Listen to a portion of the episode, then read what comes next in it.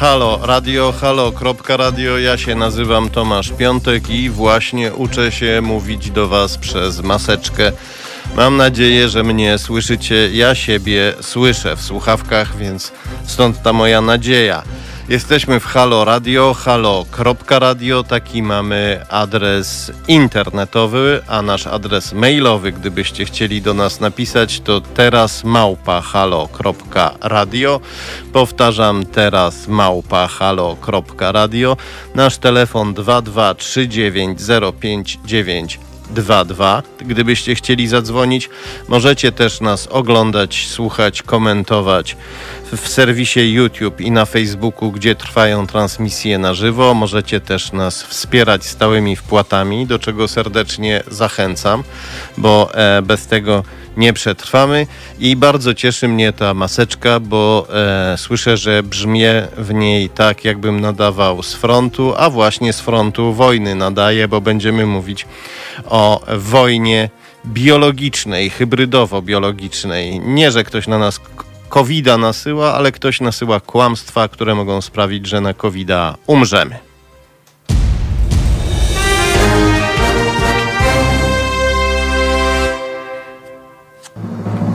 Halo. Jutro. O poranku między siódmą a dziesiątą prawdziwy człowiek orkiestra Tomek Końca. Obudzi nawet umarłych. Siódma, dziesiąta. www.halo.radio. Słuchaj na żywo, a potem z podcastów.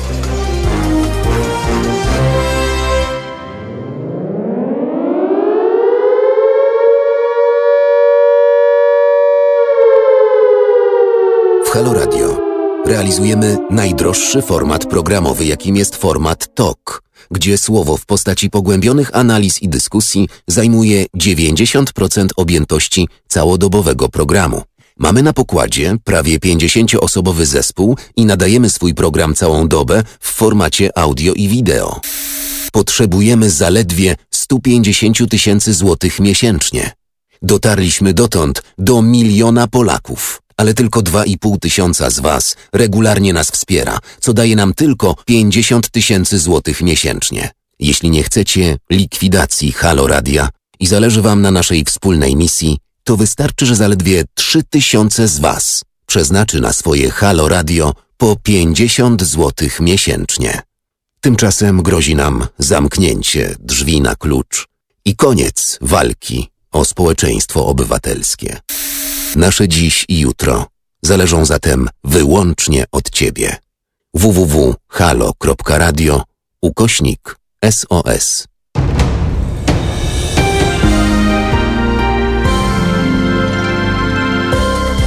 Halo Radio Pierwsze medium obywatelskie.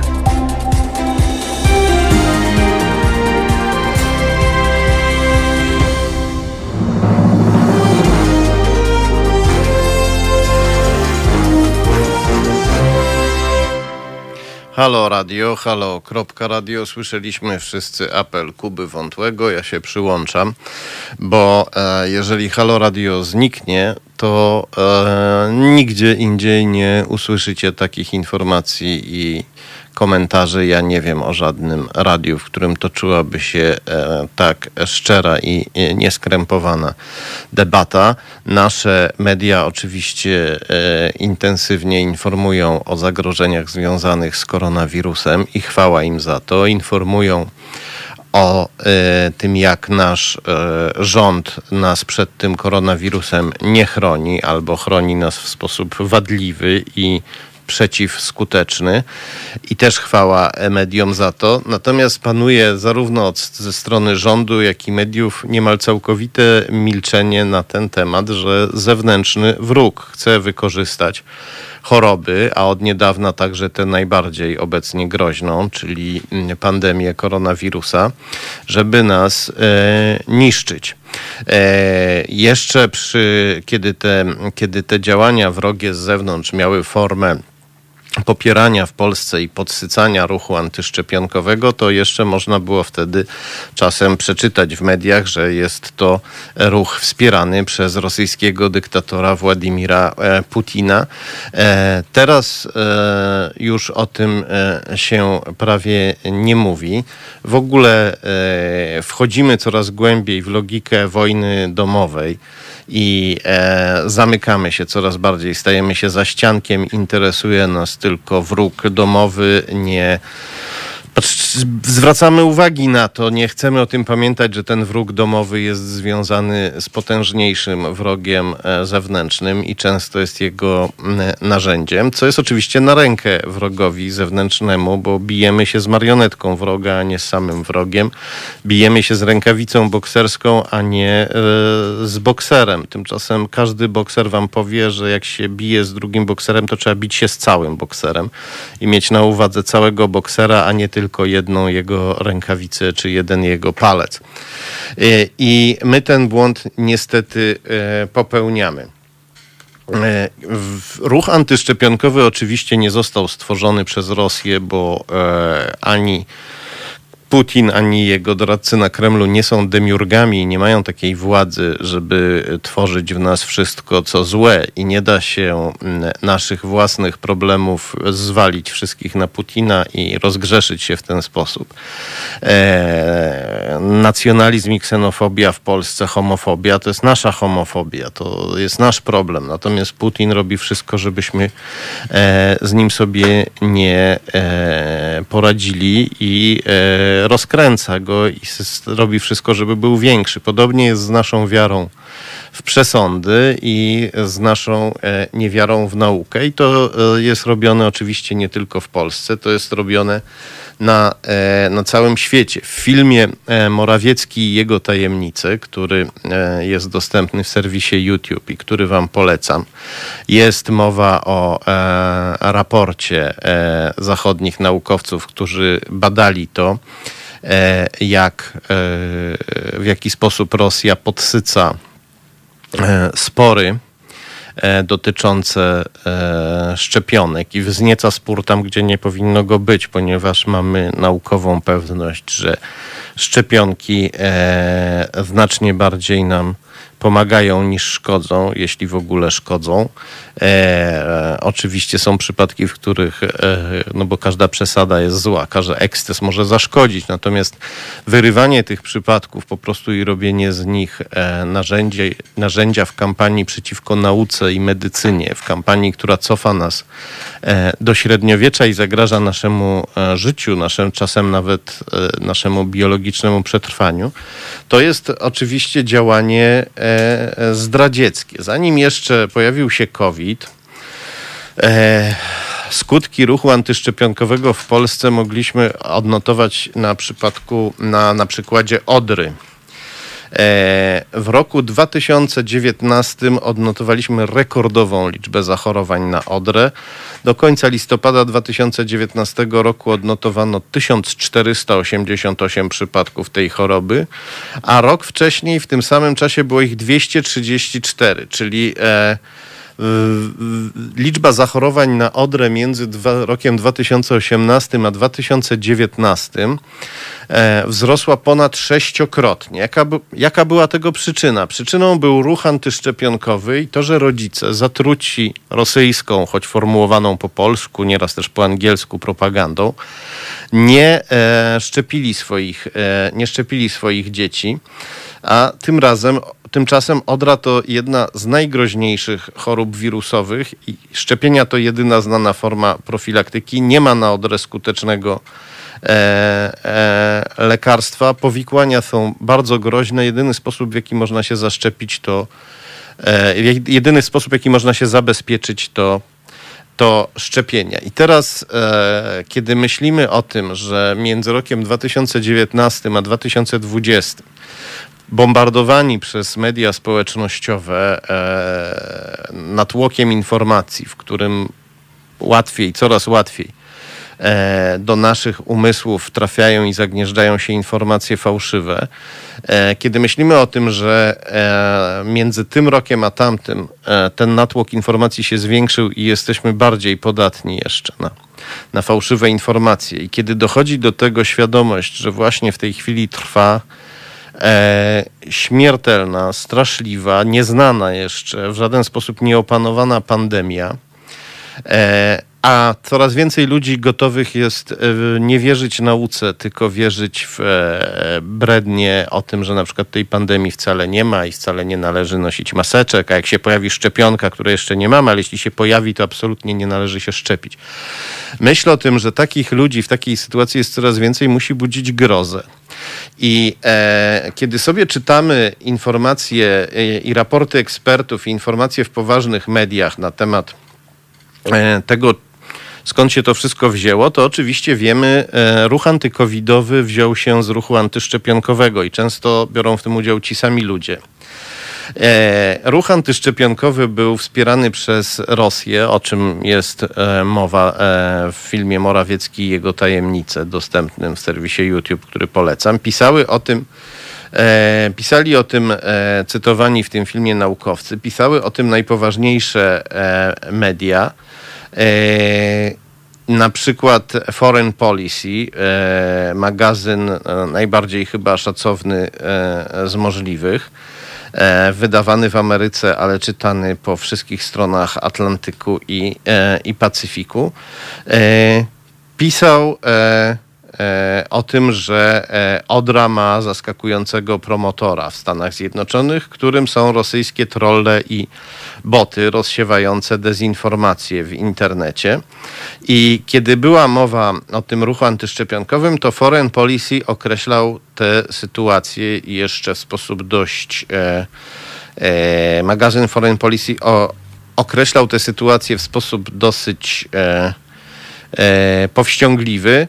E, pisał, że głównym celem jest e, zaostrzenie istniejącego już w Ameryce braku zaufania e, do społeczeństwa, do amerykańskiego rządu i do e, nauki. Powoływał się tutaj przy tym na raport Davida Broniatowskiego, profesora z George Washington University, E, który opisywał, jak Rosjanie e, wykorzystują konta w mediach społecznościowych, żeby rozsiewać dezinformacje na temat szczepień. Ale ton tych publikacji, trudno się temu dziwić, ton tych publikacji się zmienił e, kiedy pojawił się koronawirus i kiedy okazało się, że chodzi o coś jeszcze gorszego niż odra. Agencja Associated Press napisała w tym roku o E, informacji, która e, krąży e, po mediach społecznościowych, rozsiewanej przez Kreml o tym, jakoby 15 Ukraińców zmarło podczas e, e, eksperymentalnego przyjęcia szczepionki na koronawirusa. Oczywiście chodzi o to, żeby wzbudzić panikę e, przede wszystkim na Ukrainie, żeby się Ukraińcy poczuli jak króliki doświadczalne, które zaraz będą umierać od straszliwych szczepionek, ale także w samych Stanach Zjednoczonych, bo tam też ludzie myślą, zaraz, zaraz, zaraz te szczepionki z Ukrainy zostaną przywiezione do nas i my też, i my też, będziemy, my też będziemy umierać. Jak to jest groźne w sytuacji, sytuacji w pandemii, szerzenie takich e, wieści i rozsiewanie takiej paniki łatwo sobie e, wyobrazić. A w marcu tego roku, już w marcu tego roku Jennifer Rankin, w, mm, korespondentka mm, brytyjskiej i światowej gazety The Guardian e, z Brukseli, korespondentka z Brukseli, brytyjskiej gazety, e, napisała, że wyciekł raport e, dla władz europejskich, wyciekł do mediów raport, z którego wynika, że celem Kremla jest pogłębienie kryzysu sytuacji zdrowotnej na Zachodzie. Więc już nie tylko szerzenie niepokoju i braku zaufania, pogłębienie kryzysu sytuacji zdrowotnej e, oznacza doprowadzenie ludzi jak największej ilości ludzi do ciężkiej choroby i do śmierci, systemu opieki zdrowotnej do niewydolności, żeby się zatkał od tych pacjentów i żeby przez to jeszcze więcej innych osób umierało na inne choroby, bo się ich nie da wyleczyć w sytuacji takiego kryzysu. Więc mamy do czynienia z, z taką sytuacją, że Putin chce nas zabijać. Oczywiście jego pierwszym celem nie jest zabijanie nas, bo e, nie sądzę, żeby samo zabijanie sprawiało mu jakąś ogromną przyjemność. E, E, myślę, że takich ludzi, którzy czerpią naprawdę przyjemność zabijania jest niewielu. Jego głównym celem jest władza, jest zniszczenie Zachodu, skolonizowanie Europy, podporządkowanie nas sobie. A w, w tym celu oczywiście trzeba też ludzi zabijać. W, w tym celu trzeba też siać e, niepokój i nieufność do e, władz krajów, w których żyją ci ludzie. No ale przy okazji, jeśli dużo osób umrze, to ten niepokój, ta e, nieufność stanie się jeszcze większa, struktury społeczne zaczną się jeszcze bardziej rozprzęgać i e, w tak osłabioną strukturę Zachodu Rosjanie będą mogli wjechać jak walec. Niekoniecznie swoimi czołgami i żołnierzami, mają już swoich polityków na miejscu, mają PiS i Konfederację w Polsce, mają panię Le Pen, panią Le Pen we Francji, mają AfD w Niemczech, mają u władzy Borysa Johnsona. W e, Wielkiej Brytanii mają e, partię Vox w Hiszpanii i katalońskich separatystów.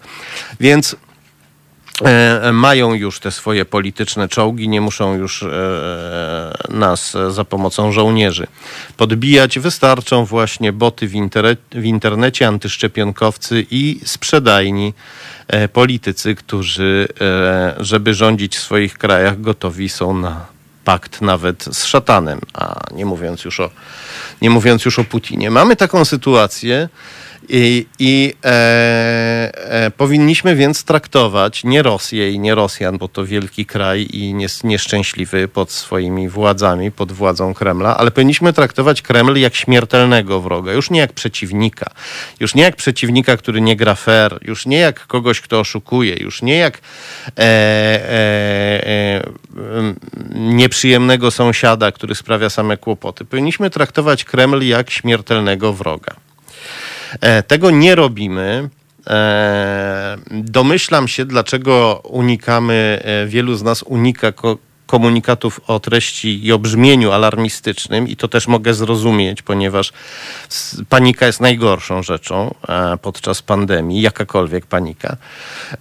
Natomiast czym innym jest spokój, a czym innym jest chowanie głowy w piasek. Ja nie widzę u naszych elit świadomości, że Putin jest w tej chwili naszym wrogiem numer jeden i że to on jest e, głównym źródłem e, energii dla wszystkich tych, którzy nas e, próbują próbują, próbują niszczyć. Natomiast ta świadomość się powinna, powinna pojawić, bo nie da się wygrać ani meczu bokserskiego, ani partii szachów z zawiązanymi oczami, albo choćby przymykając jedno jedno oko. Kim są polscy antyszczepionkowcy? Kim są ci ludzie, którzy robią tę brudną e, robotę dla e, Putina? O tym opowiemy sobie za chwilę, ale e, najpierw grupa wyrzutków będzie przyzywać naszą uwagę. Słuchajcie powtórki programu.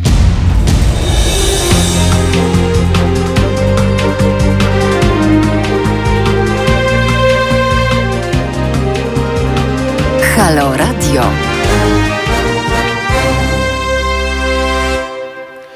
Halo Radio, halo, kropka radio. Ja się nazywam Tomasz Piątek. Nasz e-mail teraz małpa halo.radio. Nasz telefon 223905922. Gdybyście chcieli do nas zadzwonić, rozmawiamy o propagandzie antykowidowej szerzonej przez Kreml. Mówiliśmy o e, raportach naukowców i publikacjach w prasie zachodniej na temat tego, jak e, Rosja e, szerzy propagandę, według której e, koronawirus nie istnieje. Zacytuję tutaj e, początek artykułu z Guardiana z marca obecnego roku, bieżącego roku 2020 roku autorstwa korespondentki brukselskiej tej gazety Jennifer Rankin.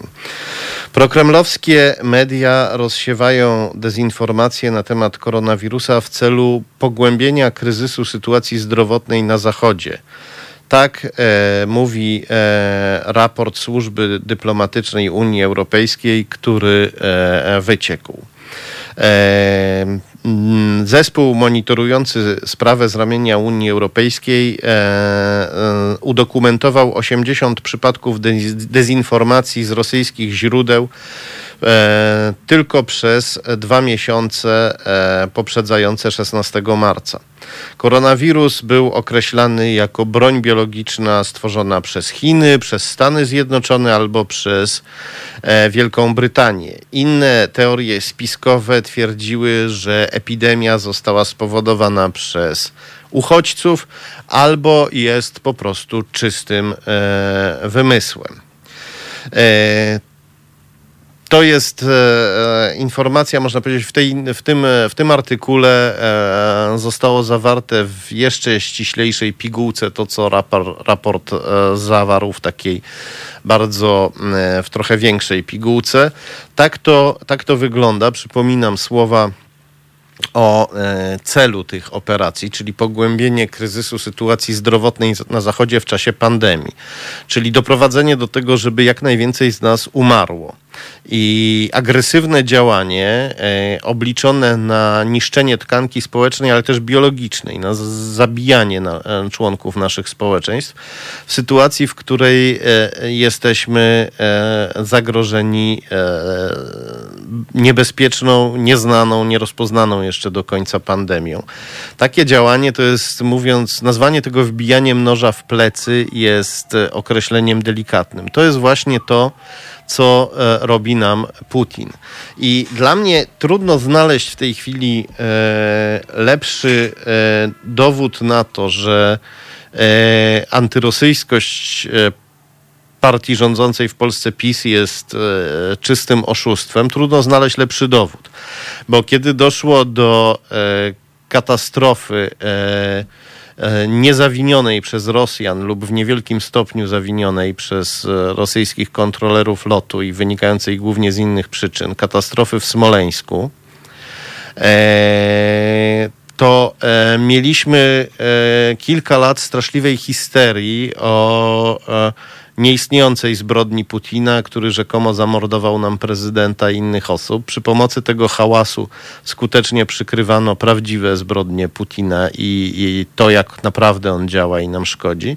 A w momencie, w którym e, Putin chce, żebyśmy umierali i e, stara się do tego doprowadzić, zabijać już nie prezydentów, ale panią Kasię z Mrągowa i pana Zdzisława e, z Gorzowa Wielkopolskiego, bo E, koronawirus zagraża każdemu z nas i propaganda antykowidowa też zagraża każdemu z nas, bo wystawia nas na koronawirusa. W takiej sytuacji e, nie słyszymy nagle o zbrodniach Putina, e, albo mówi się o tym bardzo niewiele, tylko w tym kontekście, żeby uderzyć w politycznych konkurentów PiS z Konfederacji, którzy są jawnie antykowidowi i e, jawnie e, proputinowscy.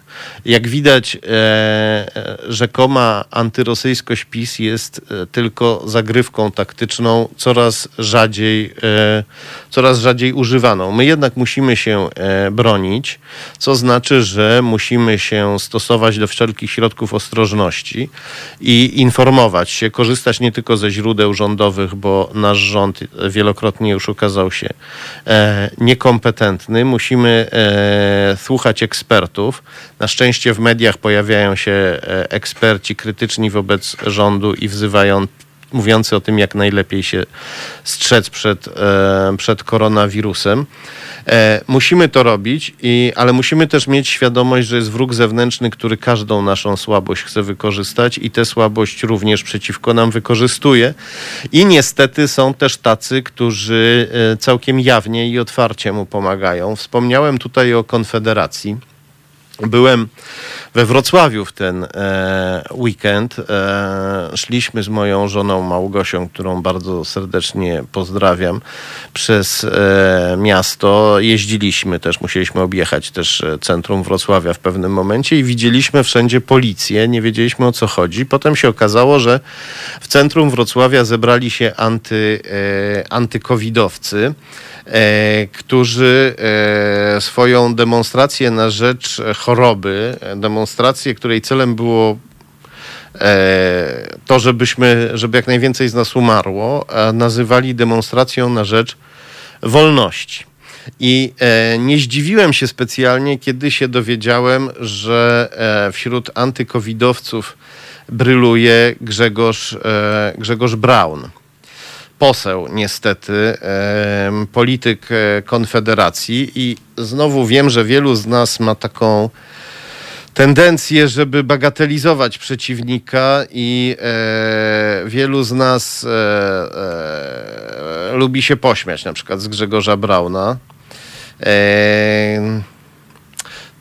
Nie wiem, czy to jest słuszne, prawdę mówiąc, bo sobie ostatnio wszedłem na serwisie YouTube, zobaczyłem, że wykład Brauna, strasznie długi, na temat e, czegoś, co nazwał Koroną Królestwa Polskiego, ma 4 e, miliony wyświetleń. Załóżmy, że połowę z tego nabiły mu rosyjskie boty, czy też nieistniejące konta, że dru- jakąś część jeszcze sobie kupił, ale nawet jeśli 500 tysięcy ludzi choćby zaczęło to oglądać, jeśli 100 tysięcy ludzi obejrzało do końca ten wykład, o czymkolwiek on by, on by był, to już bardzo źle, bo to znaczy, że jest w Polsce 100 tysięcy ludzi gotowych spędzić e, kilka godzin e, z Grzegorzem Braunem i z jego e, zatrutą propagandą. E, o Grzegorzu Braunie było dość, e, było bardzo głośno wtedy, kiedy wyciekły jego zdjęcia e, opublikowane przez Gazetę Wyborczą, jego zdjęcia z Leonidem Swiridowem.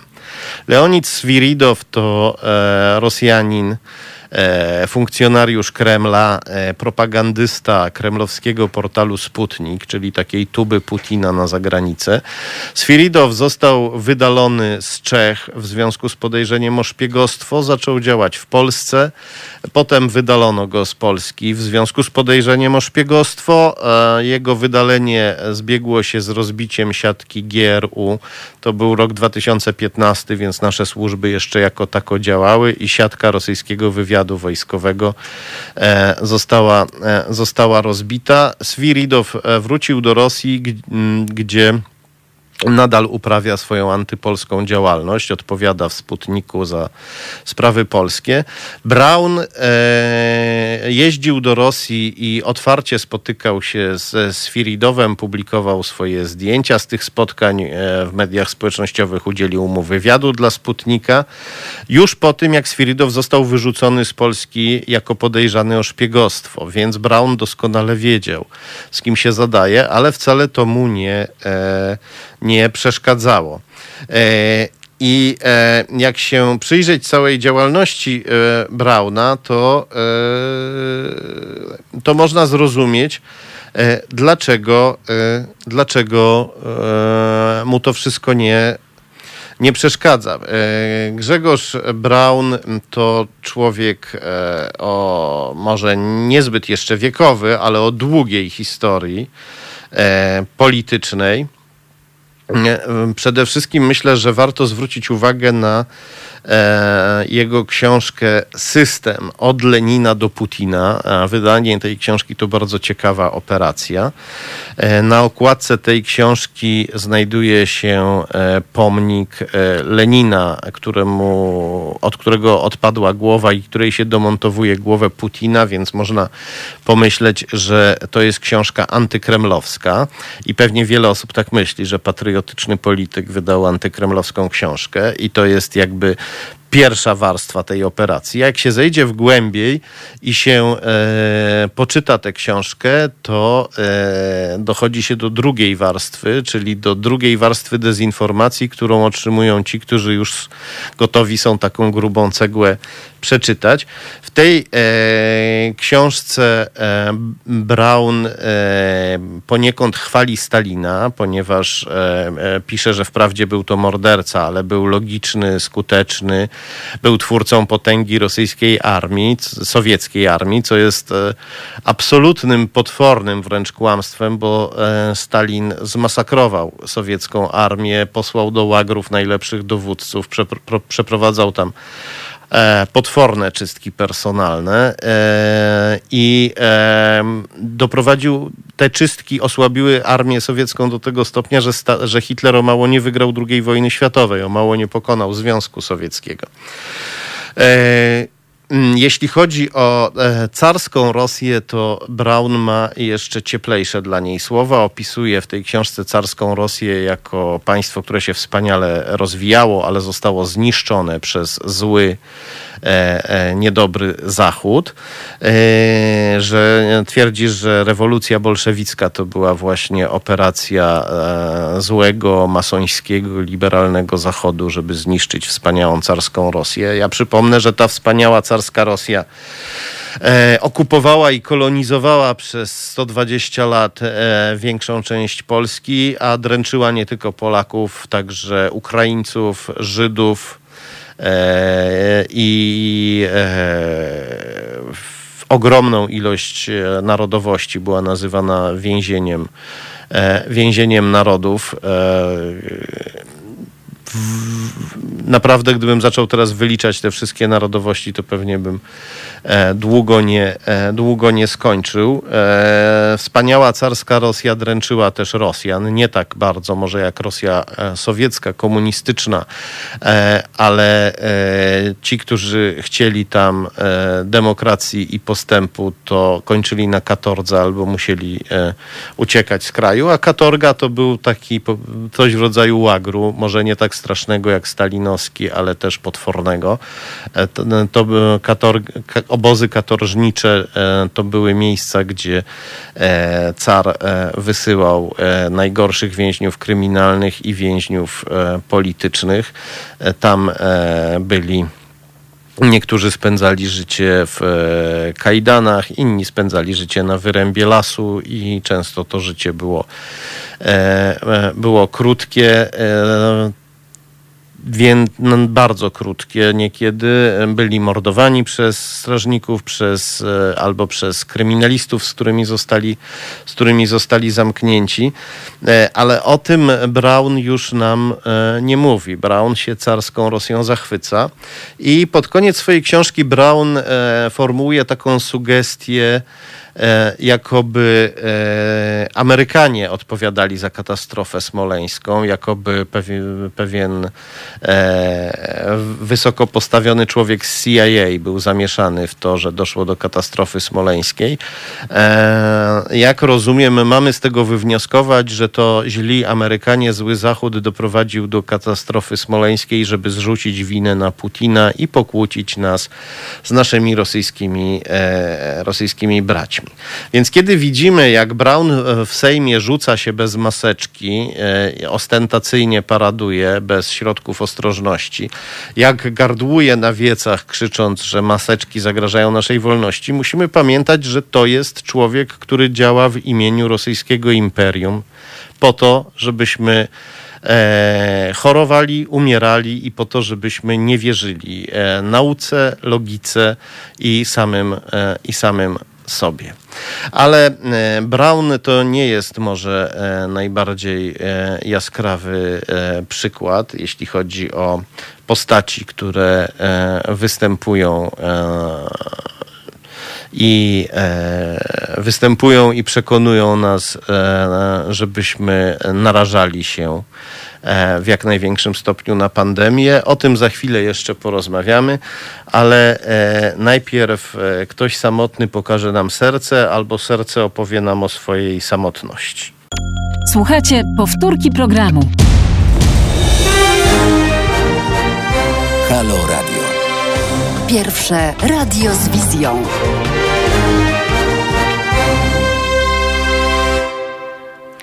Halo Radio, halo.radio, taki mamy adres internetowy, nasz adres mailowy teraz małpa halo.radio. Gdybyście chcieli do nas e, napisać, nasz telefon 223905922. Ja się nazywam Tomasz Piątek, mówię o polskim e, i nie tylko polskim ruchu e, antykowidowym, inspirowanym przez e, Rosję, e, w Polsce wspieranym mocno przez posła Grzegorza Brauna, który afiszuje się swoją przyjaźnią z kremlowskim szpiegiem Leonidem Sfiridowem i publikuje treści antyzachodnie i wychwalające imperium rosyjskie. Wspominałem o jego książce System. W tej książce Brown sugeruje, że katastrofa smoleńska to był zamach, ale spowodowany nie przez Putina, tylko przez Amerykanów. Wymienia amerykańskiego generała Davida Petreusa, późniejszego szefa CIA. Co ciekawe, e, powołuje się jako na, jako na źródło Brown, powołuje się na e, Chrisa Cieszewskiego, doradcę smoleńskich ekspertów Antoniego Macierewicza, który w latach 80. został zarejestrowany jako konfident komunistycznej służby bezpieczeństwa. Dostarczał informacje SB-kowi Józefowi Nadworskiemu, który współpracował z rosyjskim wywiadem wojskowym GRU. Innym zatrutym źródłem, na które powołuje się Grzegorz Braun, jest e, Felix Dwojak, e, Esbek, e, wcześniej Ubek, wysoki wysoko postawiony, e, z którym Brown kontaktował się w latach 90. E, dwojak to e, człowiek głęboko, dobrze zorientowany, jeśli chodzi o sowieckie operacje w Polsce i sowieckich agentów, ale dobrze zorientowany to nie od razu oznacza prawdomówny. Dwojak był znajomym dwóch esbeków, Adama Malika i Stefana Mikołajskiego, którzy w latach 80. chronili Antoniego e, Macierewicza. E, chronili w porozumieniu z sowieckimi służbami, z którymi ściśle współpracowali. To jest opisane w książce Macierewicz, jak to się stało. Jak widać, e, źródła Brauna, źródła przy pomocy których Braun uprawia antyzachodnią i prorosyjską propagandę, są związane z Antonim Macierewiczem. I o tym też trzeba pamiętać, kiedy się widzi, jak Brown paraduje bez maseczki w Sejmie i zgodnie z kremlowską propagandą przekonuje nas o tym, jakoby koronawirus miał nam e, nie szkodzić. A, I kiedy e, o tym wszystkim mówimy, kiedy mówimy o tym, że ten człowiek e, e, korzysta z rosyjskich źródeł, uprawia prokremlowską propagandę, chełpi się przyjaźnią chwali się publicznie przyjaźnią z sowieckim, z kremlowskim w tej chwili już nie sowieckim, z putinowskim szpiegiem. E, i e, robi wszystko, żeby jak najwięcej z nas umarło e, na e, COVID, bo to jest korzystne dla Kremla to oczywiście nam się wszystkim nóż w kieszeni otwiera i zadajemy sobie pytanie, jak to jest możliwe, e, że człowiek taki jak Brown nie tylko chodzi sobie e, swobodnie po ulicy, ale jeszcze jest posłem.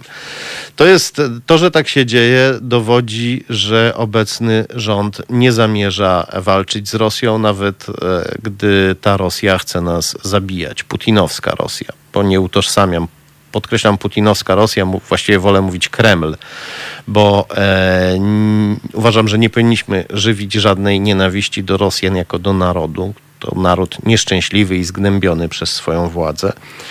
E, to, że Brown e, e, chodzi od lat swobodnie i, e, i został posłem, dowodzi, że e, nasze władze nie, e, nie starają się tak naprawdę walczyć, e, walczyć z Rosją.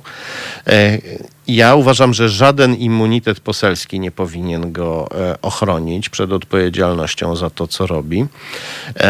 I żeby nie być gołosłownym, to mm, zdradzę, bo być może tu nie ma nawet czego kryć. Przygotowuję, zbieram informacje i im więcej jest tych informacji, tym wyraźniej widzę, że najprawdopodobniej doprowadzą one do tego, że złożę doniesienie do e, prokuratury w sprawie Grzegorza Brauna i, jego, e, e, jego działalności e, covidosceptycznej, czy też antykowidowej e, i jego możliwych motywacji związanych z jego e, rosyjskimi, kremlowskimi E, koneksjami. Złożyłem doniesienie do prokuratury na Antoniego Macierewicza, złożyłem też na Mateusza Morawieckiego i e, złożę na Grzegorza Brauna.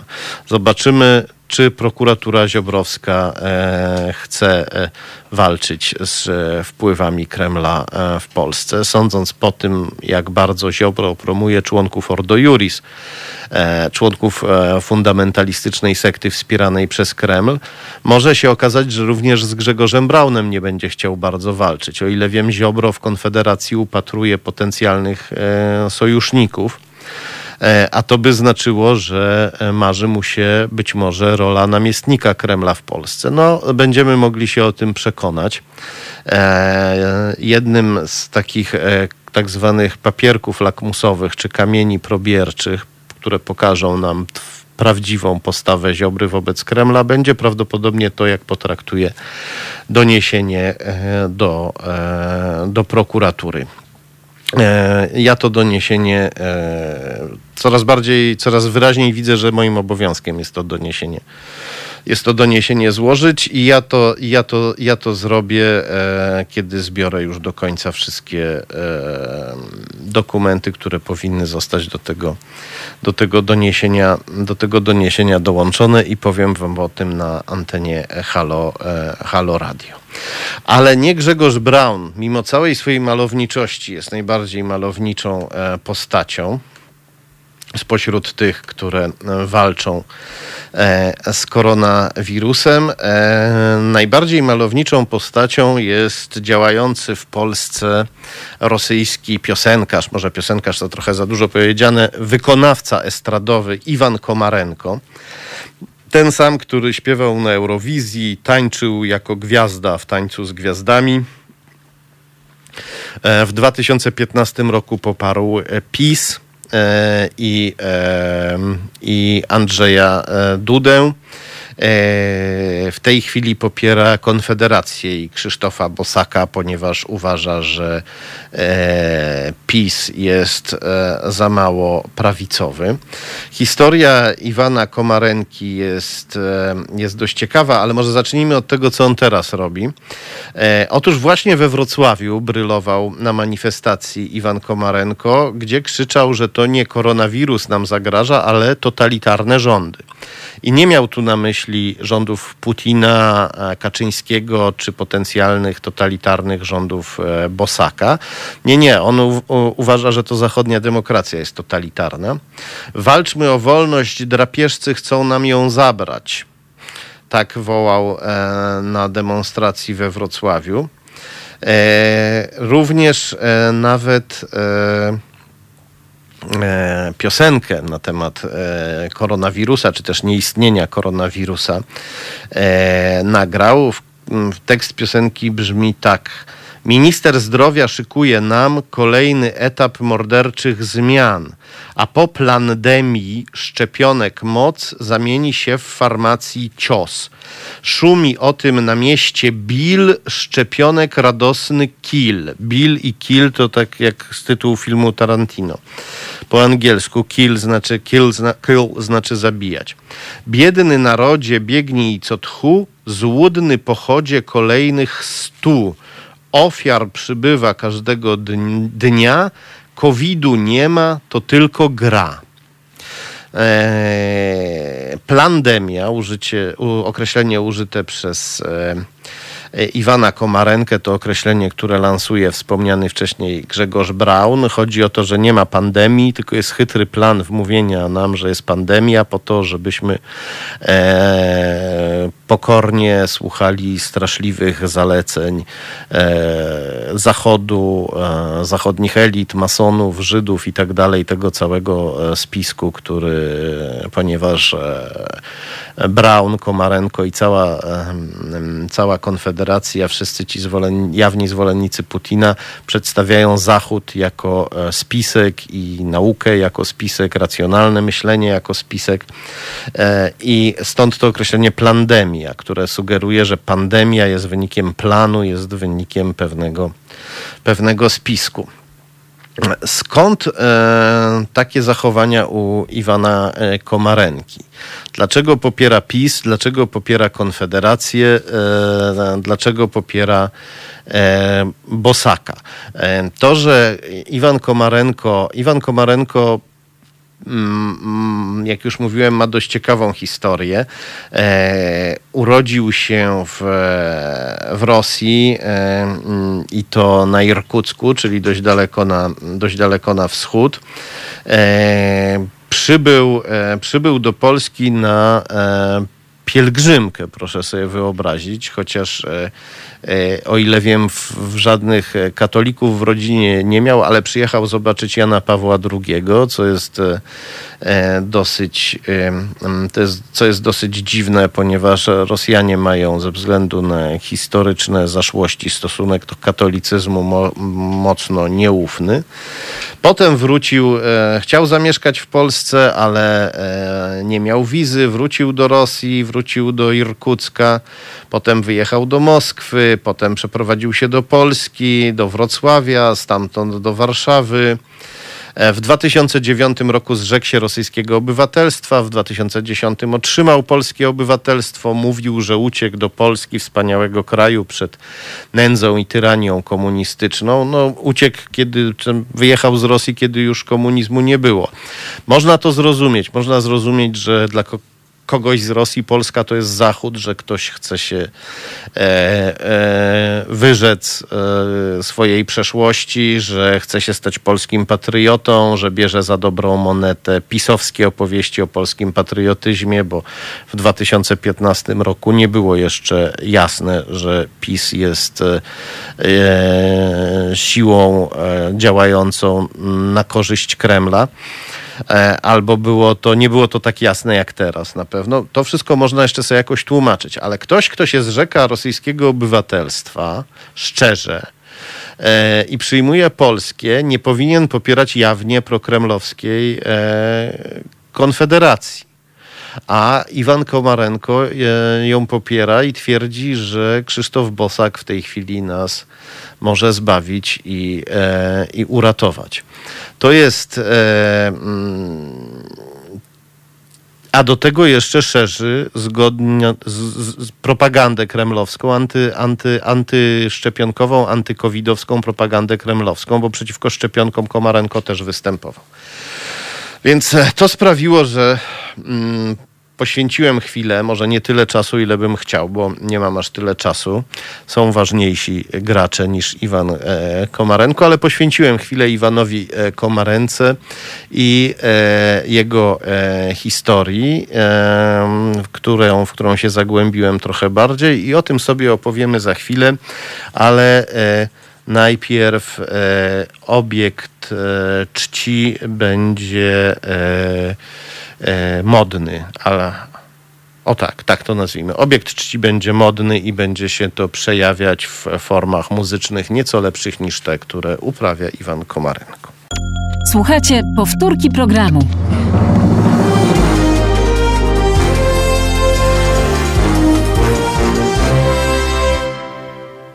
Halo, radio, halo, e, kropka radio. E, ja się nazywam e, Tomasz Piątek, a halo.radio to nasz adres internetowy. Po, mamy też oczywiście adres mailowy.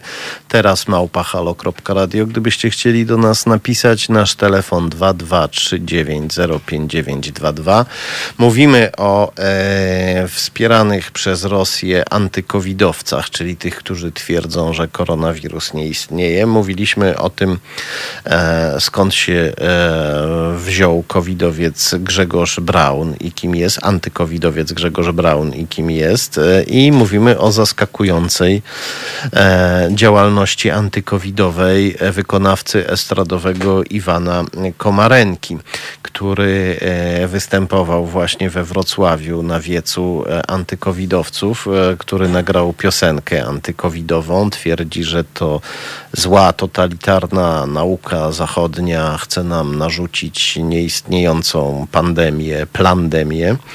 E, no, pod tym względem Komarenko brzmi zupełnie jak Grzegorz Braun i jak e, putinowska propaganda. Mówiliśmy o tym, że Komarenko e, przyjechał do Polski, zrzekł się rosyjskiego obywatelstwa, bo jest Rosjaninem, ale zrzekł się rosyjskiego obywatelstwa, przyjął polskie, mówił, że boi się Rosji, mówił, a mimo to w tej chwili Komarenko popiera jawnie prorosyjską konfederację i Grzegorza Brauna i Krzysztofa Bosaka przede wszystkim i uprawia propagandę antykowidową, dokładnie taką, jaką e, w krajach Zachodu lansuje Kreml. Tu warto dodać, że nie zawsze ten mm, covidosceptycyzm, jak to się ładnie nazywa, u Komarenki był widoczny.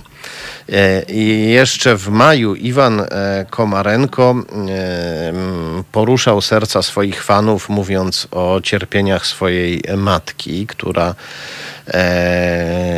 w Rosji przeżywa piekło, ponieważ Brat Komarenki miał pod wpływem pandemii stracić pracę i e, wrócić do nałogu narkotykowego. Miał próbować podpalić e, mieszkanie e, matki, a matka nie wezwała policji, ponieważ uważała, że wobec grozy pandemii funkcjonariusze policji rosyjskiej mają inne zadania niż ratowanie starszej pani przed podpaleniem mieszkania przez syna narkomana. No, e, brzmi to e, dość niezwykle, no ale brzmi to tak, jakby w rodzinie Komarenków pandemię jeszcze w maju traktowano bardzo poważnie.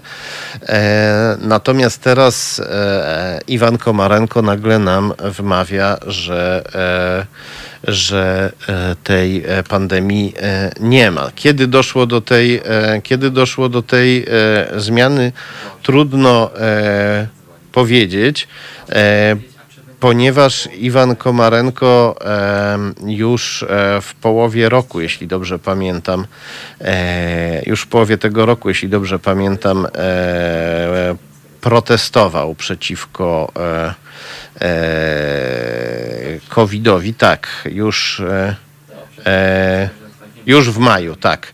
Więc to ciekawe, bo w maju, e, w maju czy tak, więc to byłoby w tym samym momencie. E, w 8 e, maja Karolina Chibowska na plotkarskim portalu Plejada opisała, jak to matka Iwana Komarenki śmiertelnie poważnie traktuje pandemię, ale w tym samym maju Iwan Komarenko już e, uprawiał e, antykowidowską e, propagandę. To jest jakby można powiedzieć, syn niekoniecznie musi się oczywiście zgadzać z matką, ale, e, mm, ale w tym czasie w relacjach na temat sytuacji matki Iwan Komarenko kwestii, e, kwestii e, rzekomej nieprawdziwości pandemii nie poruszał, a równocześnie już, e, e już występował e, przeciwko pandemii, e, przeciwko, przeciwko występował stwierdzeniami o, nieprawdzi o nieprawdziwości pandemii gdzie indziej.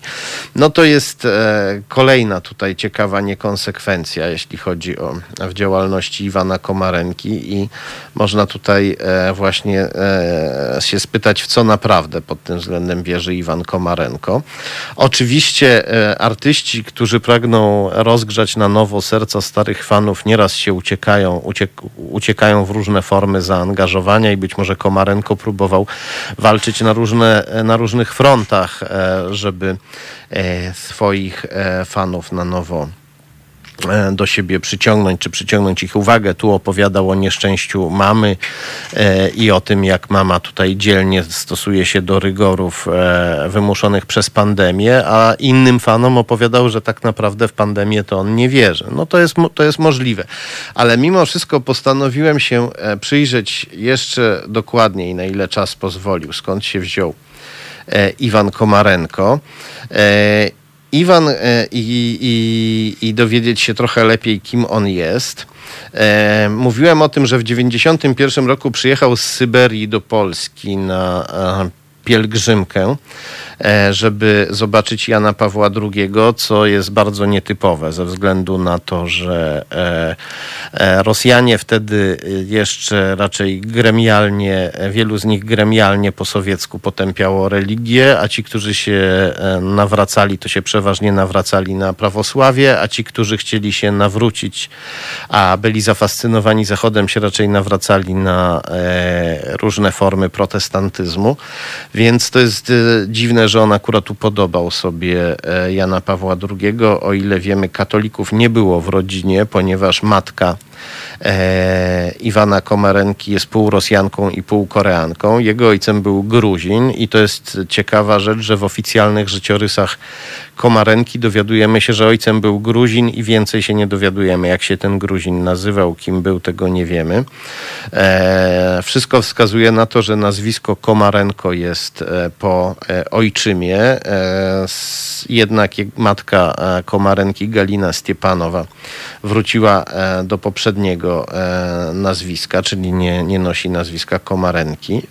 Wszystko na to, wszystko na to wskazuje, więc te początki jakby rodowe dowód Komarenki jest dosyć, dosyć zawikłany.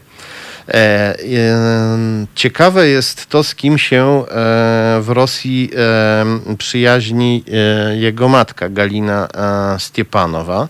Wśród jej, w mediach społecznościowych, wśród jej znajomych, z którymi ma interakcje, jest niejaki Jurij Grigoriew, który chwali się na swoim facebookowym profilu, że jest absolwentem rosyjskiej, akade- sowieckiej jeszcze Akademii Ministerstwa Spraw Wewnętrznych, czyli uczelni służb specjalnych. I wśród e, przyjaciół pani Galiny znajduje się także Walierij Arszanski, e, antyukraiński dziennikarz publiku, publikujący e, kłamstwa o tym, jakoby to prozachodni snajperzy zabijali e, biednych Słowian na kijowskim Majdanie i e, no, tych antyukraińskich tekstów pan Arszanski napisał dużo. Pan Arszanski w swoich tekstach też się chwali e, swoimi znajomościami z swoją, e, z funkcjonariuszami e, rosyjskiego Ministerstwa Spraw e, Wewnętrznych. Dlatego można sobie zadać pytanie, czy ta działalność antykowidowa Iwana Komarenki jest tylko wybrykiem Gwiazdora, czy jacyś sytuacja rodzinna, rodzinno-towarzyska jego matki, wspólni znajomi, czy ktoś tutaj nie mógł mieć na niego nieco bardziej decydującego wpływu. Ale e, oczywiście Komarenko nie jest tu najważniejszy, on jest wisienką na tym zatrutym torcie, który przygotował dla nas Putin. E, najważniejszą osobą w tej chwili, e, jeśli chodzi o propagandę antykowidową, stał się poseł Grzegorz Braun i nim pewnie jeszcze będziemy się w przyszłości zajmować.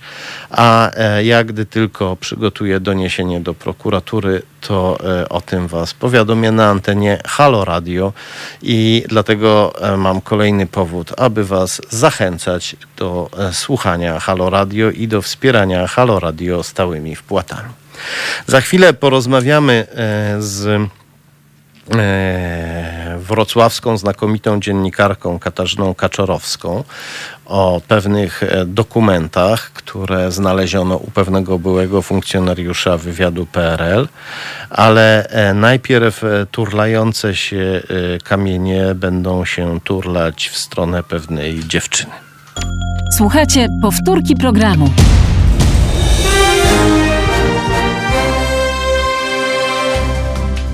Halo Radio. Pierwsze medium obywatelskie.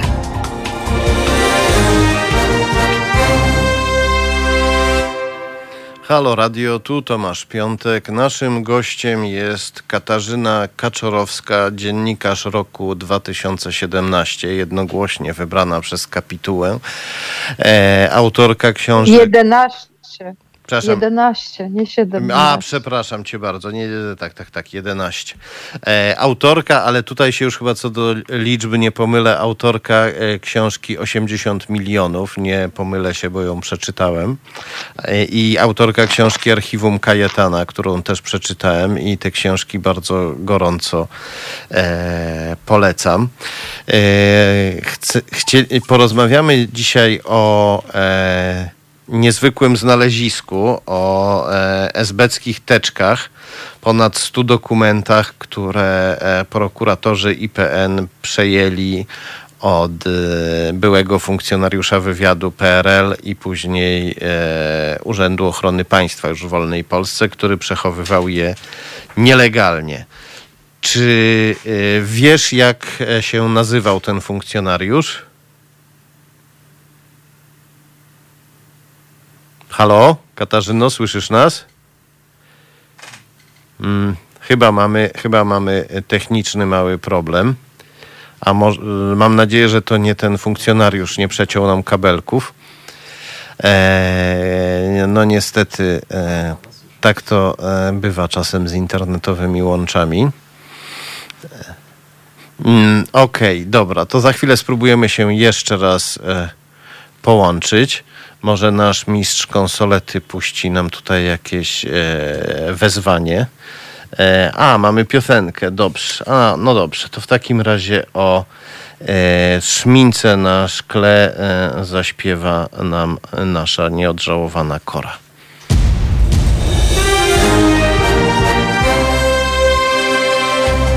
Od poniedziałku do piątku. Około południe należy do Państwa i do Wojtka Krzyżaniaka, czyli głosu szczerej słowiańskiej szydery. Od 10 do 13 wyrywamy chwasty i włosy z dupy każdego polityka. www.halo.radio. Słuchaj na żywo, a potem z podcastów.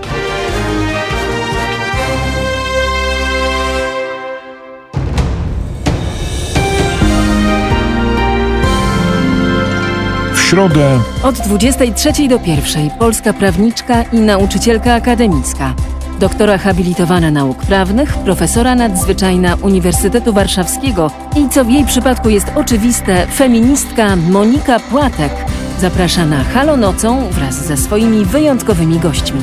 Od 23 do 1 Halo Radio głos ma profesoressa Monika Płatek. www.halo.radio. Słuchaj na żywo, a potem z podcastów.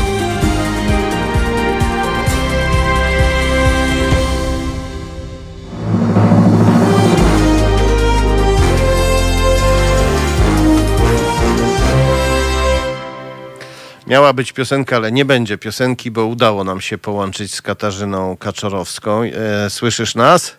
Katarzyno? Tak, słyszę. O, świetnie, my też cię słyszymy. Dzięki, że jesteś. Dobry wieczór. E, chcia... Dobry wieczór. O, do, bałem się, że znowu znikniesz tak przez chwilę. E, pierwszy raz to się nam tak naprawdę zdarzyło, przynajmniej w mojej, e, w mojej audycji, żeby się tak zerwało. E, chciałem z Tobą porozmawiać o tym, że prokuratorzy IPN przejęli ponad 100 dokumentów Służby Bezpieczeństwa, które przechowywał w domu były funkcjonariusz wywiadu. Nie wiedziałem o tym, ale dowiedziałem się od Ciebie, kiedy dzisiaj do mnie za-SMS-owałaś i natychmiast zacząłem się o tej sprawie informować, za co jestem Ci bardzo wdzięczny. Czy znasz nazwisko nazwisko tego funkcjonariusza? Znam je nieoficjalnie, więc nie bardzo mogę je podać. No, natomiast mogę powiedzieć, że był związany z delegaturą Urzędu Ochrony Państwa w Katowicach. Czy to był Andrzej Z? Może tak, o. Czy... No tak.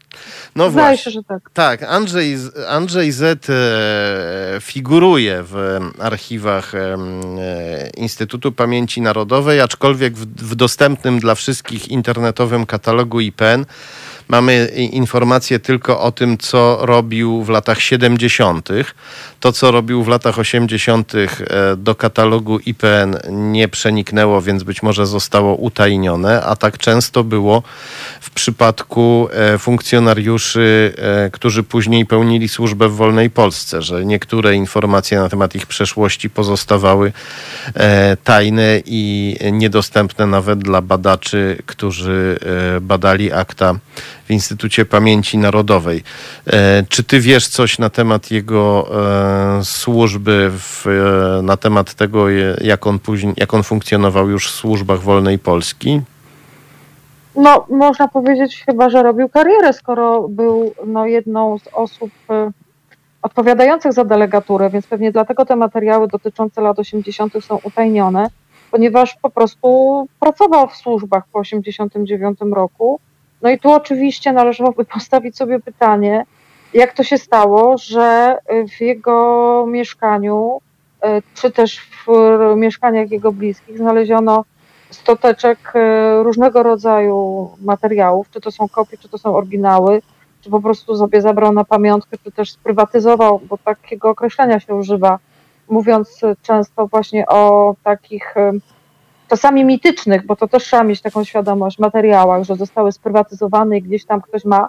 No, kazus generała Kiszczaka pokazał, że to jednak chyba sporo jest w tym prawdy, bo rzeczywiście generał Kiszczak zabezpieczył różnego rodzaju archiwa u siebie w domu.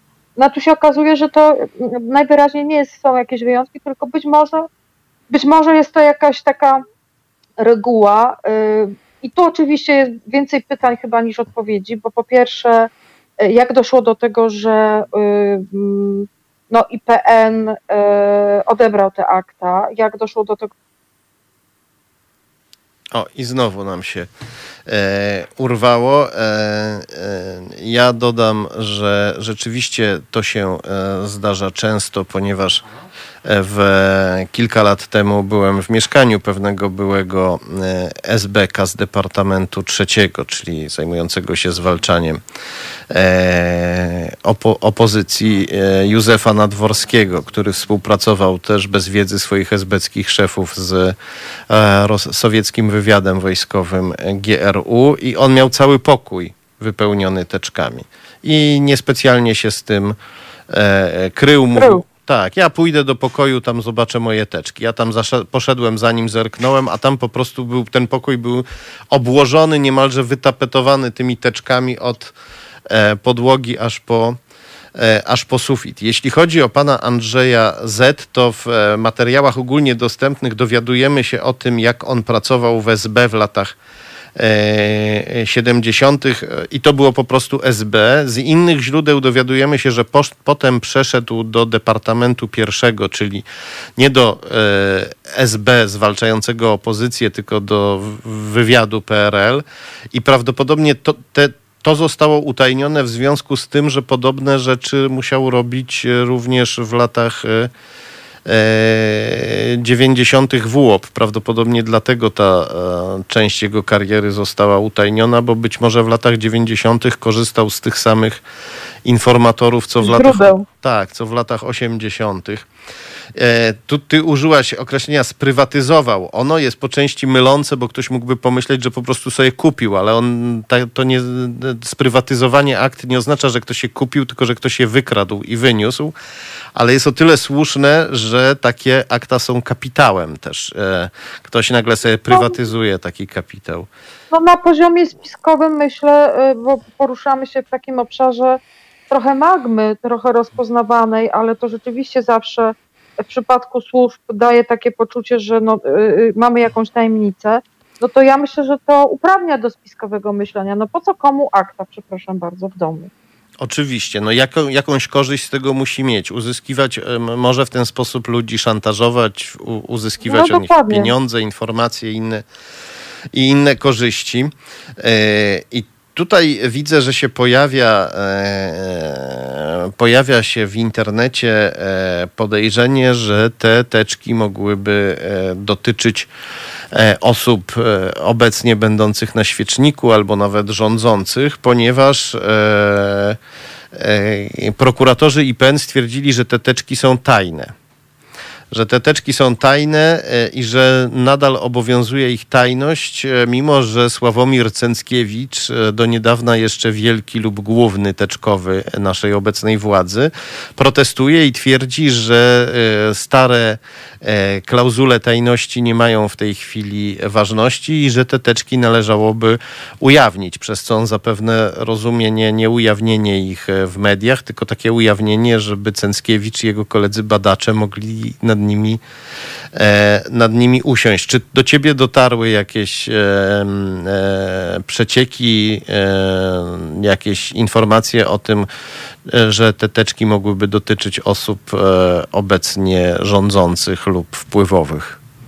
Mm, raczej docierały, dotarły jakieś takie sugestie, że to może mogą być teczki, materiały, może tak, związane ze środowiskiem uchodzącym za bardzo niezłomne w e, okresie opozycji, czyli e, Solidarność Walczącą. Ja nie wiem, czy to jest prawda, bo tak długo, jak długo e, ktoś po prostu nie zajrzy, nie opisze uczciwie tego, co tam jest, to wszystko jest w gruncie rzeczy w sferze spekulacji. No, zawsze można uznawać, uznać, że jeżeli ten były oficer wywiadu pracował na Śląsku, na Śląsku Górnym, żeby była jasność, no, było dość silne, relatywnie silne środowisko SW, no to oczywiście może być w tym jakiś, jakiś element prawdy. SW, ale... czyli Solidarności Walczącej. Tak.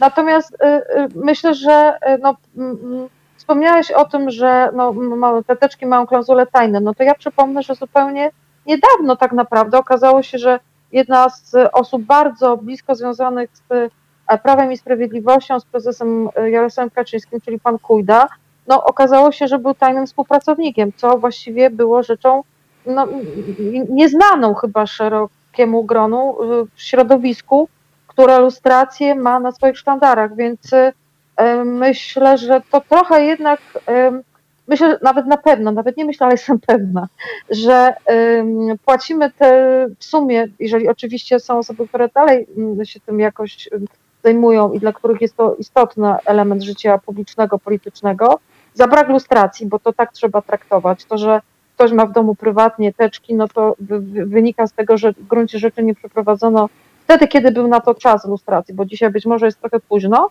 Natomiast spiskowo też można się zastanowić, czy to, że dzisiaj nie, jakby ta informacja o zabezpieczeniu w domu byłego funkcjonariusza Służby Bezpieczeństwa i później bardzo wpływowej no, osoby w delegaturze Urzędu Ochrony Państwa zabezpieczono teczki, nie jest w gruncie rzeczy też jakimś elementem działań związanych z tym, że Trybunał Konstytucyjny ma wydać wyrok w sprawie ustawy dezubekizacyjnej. Bo być może takie jest rzeczywiste tło podjęcia tych działań. Tego też nie możemy. Możliwe, żeby pokazać, że tak. E, ubecy, esbecy wciąż rządzą tak. i należy się przed nimi bronić. To, co powiedziałaś o Solidarności Walczącej jest bardzo ciekawe, ponieważ do Solidarności Walczącej należał premier Mateusz e, Morawiecki i oczywiście jego ojciec, nieżyjący już marszałek e, senior polskiego Sejmu, Kornel Morawiecki. Ja miałem szansę się przyjrzeć niektórym teczkom dotyczącym Solidarności Walczącej w Instytucie Pamięci Narodowej.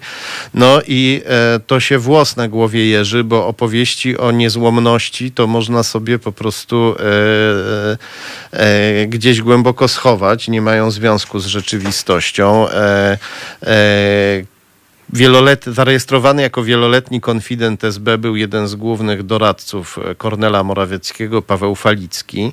Inni bliscy współpracownicy, bliski, inny bliski współpracownik e, Kornela Morawieckiego, Michał Gabriel, dzięki interwencjom e, warszawskiego Ministerstwa Spraw Wewnętrznych oraz elitarnej jednostki e, Służby Bezpieczeństwa, znanej jako Biuro Studiów SB, otrzymywał e, paszport, wielokrotnie wyjeżdżał za granicę bez e, żadnych przeszkód, gdzie e, wyjeżdżał do Niemiec Zachodnich, gdzie kontaktował się z e, ultralewicową organizacją terrorystyczną RAF, która była z kolei penetrowana przez e, Stasi, czyli przez e, policję polityczną komunistycznych Niemiec Wschodnich. Osoby. E, w Instytucie Gałka można przeczytać, że osoby, z którymi tam się Gabriel kontaktował, były monitorowane przez Stasi. Więc e, e, może tak być, że e, materiały, które chował u siebie Andrzej Z, oka okażą się kłopotliwe dla premiera. Tego nie wiemy. E, powtórzę, no, to poruszamy się w sferze domniemywań cały czas, bo pytanie, bo myślę, że to jest dość istotne pytanie, kiedy pojawią się i jakie pojawią się przecieki z tych teczek e, i zabezpieczonych u tego pana. Natomiast myślę, że mm, e, ta niezłomność Solidarności Walczącej, no to jest przede wszystkim mit w dużej mierze, wykreowany w kontrze do środowiska, bo, trzeba też jakby pamiętać osadzenie się E, i początek Solidarności Walczącej. Mateusz Morawiecki był członkiem, no okej, okay, był zaprzysiężony, był nastolatkiem i walczył tak, jak umiał nastolatek, czyli um, robiąc różnego rodzaju napisy na murach, czy rozrzucając ulotki, bo taka była wtedy y, możliwość działania y, przez nastolatka. Natomiast y, jakby punktem wyjścia do powstania Solidarności Walczącej jest po prostu personalny konflikt pomiędzy Kornelem Morawieckim a Władysławem Frasyniukiem o to, w jaki sposób należy traktować działalność opozycyjną. Środowisko skupione wokół Kornela Morawieckiego uważało, że należy walczyć i to chyba w kategoriach dosłownych, a nie takich, powiedziałabym, tylko wyłącznie w retoryce jakiejś takiej bojowej. Między innymi konflikt dotyczył walk ulicznych, bo Władysław Krasuniuk uważał, że to jednak jest duże ryzyko.